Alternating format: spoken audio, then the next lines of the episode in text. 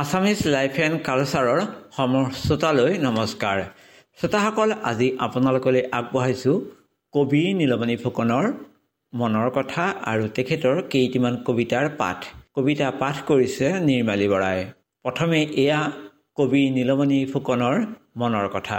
মই গাঁৱতে আছিলোঁ গাঁৱতে ডাঙৰ দীঘল ধৰিছিলোঁ এখন হাবিতলীয়া গাঁৱত মই যিখন গাঁৱৰ দিনত পোহৰ তেনেকৈ নপৰিছিলে কিছুমান ঠাইত চকা চমকাকৈ পৰিছিল। গছপাতৰ জলঙাৰে আহি পৰিছিল। তেনেকুৱা গাঁওখনত মানে বিশেষকৈ আমাৰ গাঁওখনৰ কথা কৈছোঁ আমাৰ গাঁওখনত দিনতে এটা ৰহস্যময় পৰিৱেশ উপলব্ধি কৰিব পৰা যায়। আৰু গাঁওখনত দিনতো বাঁহ কাটিছে খৰি ফালিছে গৰুৱে হেম্বেলিয়াইছে কোনোবাই চিঞৰিছে কাউৰীয়ে কাঁ কাঁ কৰিছে। এই শব্দবোৰ ব্লটিং পেপাৰে যেনেকৈ তেওঁ কাগজে যেনেকৈ টুকি ৰাখে তাতে এক ধৰণৰ এটা চাইলেঞ্চ আছিল মিস্ত্ৰী মিস্ত্ৰী মিস্ত্ৰী ৰহস্য আছিল টুকি ৰখাৰ নিচিনা কৰে। আছে শব্দবোৰ কিন্তু কোনোবা মানুহজন কাণ নিদি খৰি ফুলি আছে খৰি ফুলি আছে মই বাটেদি গৈ আছোঁ এজন মানে খৰি ফুলি আছে ওচৰৰ মানুহজনৰ লগত মই কথা পাতি আছোঁ কিন্তু খৰি ফুলা শব্দটো মই শুনা নাই। তেনেকুৱা এটা পৰিৱেশৰ মাজৰ পৰা আহিছোঁ। গধূলি যিটো আকাশৰ যিটো মানে হেঙুলীয়া ৰং ৰাতিপুৱাৰ আকাশৰ হেঙুলীয়া ৰংটো সদায় একেই। কিন্তু গধূলিৰ যিটো হেঙুলীয়া ৰং সেই ৰংটো এটা শূন্যতা এটা নিৰ্জনতাৰ ভাৱ লৈ আহে কাৰণ গধূলিৰ পিছতে ৰাতি হয় গোটেই বিশ্ব চৰাচৰ নিস্তব্ধ হৈ পৰে চৰাই চিৰিকটি বাঁহলৈ যায় বতাহ কমি যায় বা যি যি যাই থাকে গছৰ পাতত তেনেকুৱা এটা সময় সেইকাৰণে সন্ধিয়া মোৰ কবিতাত বা গধূলি মোৰ কবিতাত বহুত ঠাইত আছে আনকি এনেকৈও মই এটা কবিতাত লিখিছোঁ যে বুকুৰে ধোঁৱাই গধূলি। এটা এক ধৰণৰ এটা ট্ৰেজিক চেঞ্চ এটা দুখ বোধ বা যন্ত্ৰণা বোধ। এইবাৰ আগবঢ়াইছোঁ কবি নীলমণি ফুকনৰ কেইটিমান কবিতাৰ পাঠ। কবিতা পাঠ কৰিছে নিৰ্মালী বৰাই। নীলমণি ফুকনৰ কবিতা ওলমি থকা গোলাপী জামুৰ লগ্ন। কাহানিও নিনাদিত হৈ নুঠা কিছুমান শব্দৰ হাতৰ এটা মুদ্ৰা। সেই হৃদয়ৰ ভগাডালত ওলমি থকা গোলাপী জামুৰ লগ্ন। জুই জ্বলি থকা নগৰৰ ওপৰত উৰি ফুৰা এটা সামুদ্ৰিক চৰাই। ক্ৰমশ মৰি অহা এটা আঙুলি বৰফ হৈ অহা এটা জুৰি। অন্তৰৰো অন্তৰ খহাই বৈ যোৱা তপত লাভাৰ আন্ধাৰ পাকলা দিয়া।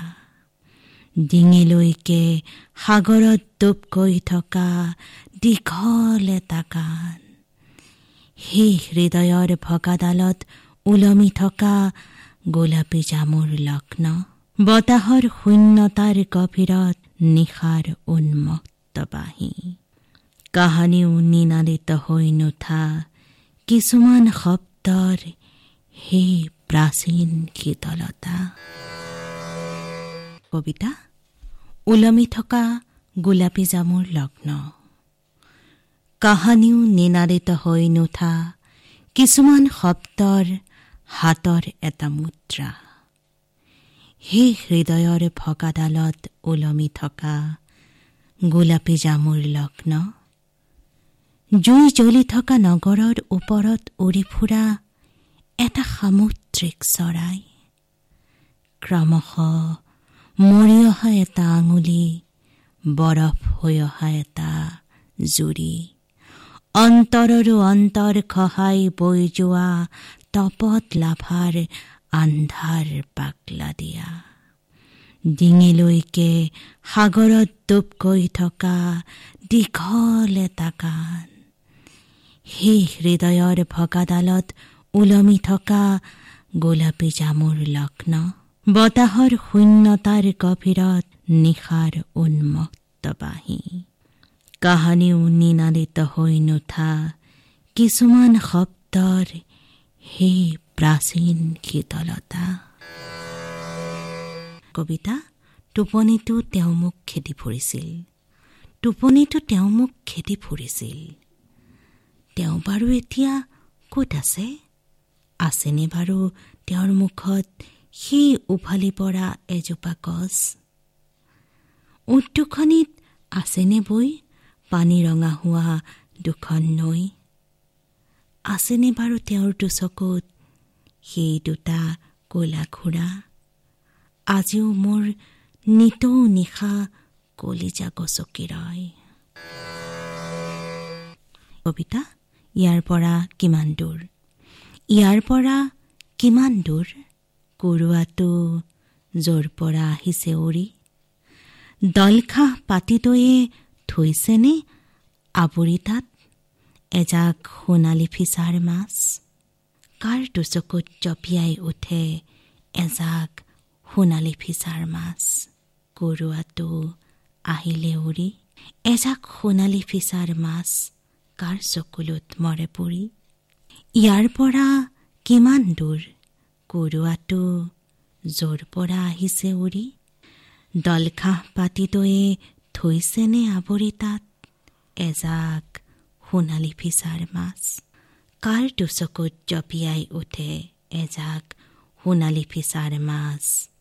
কৰোৱাটো আহিলে উৰি।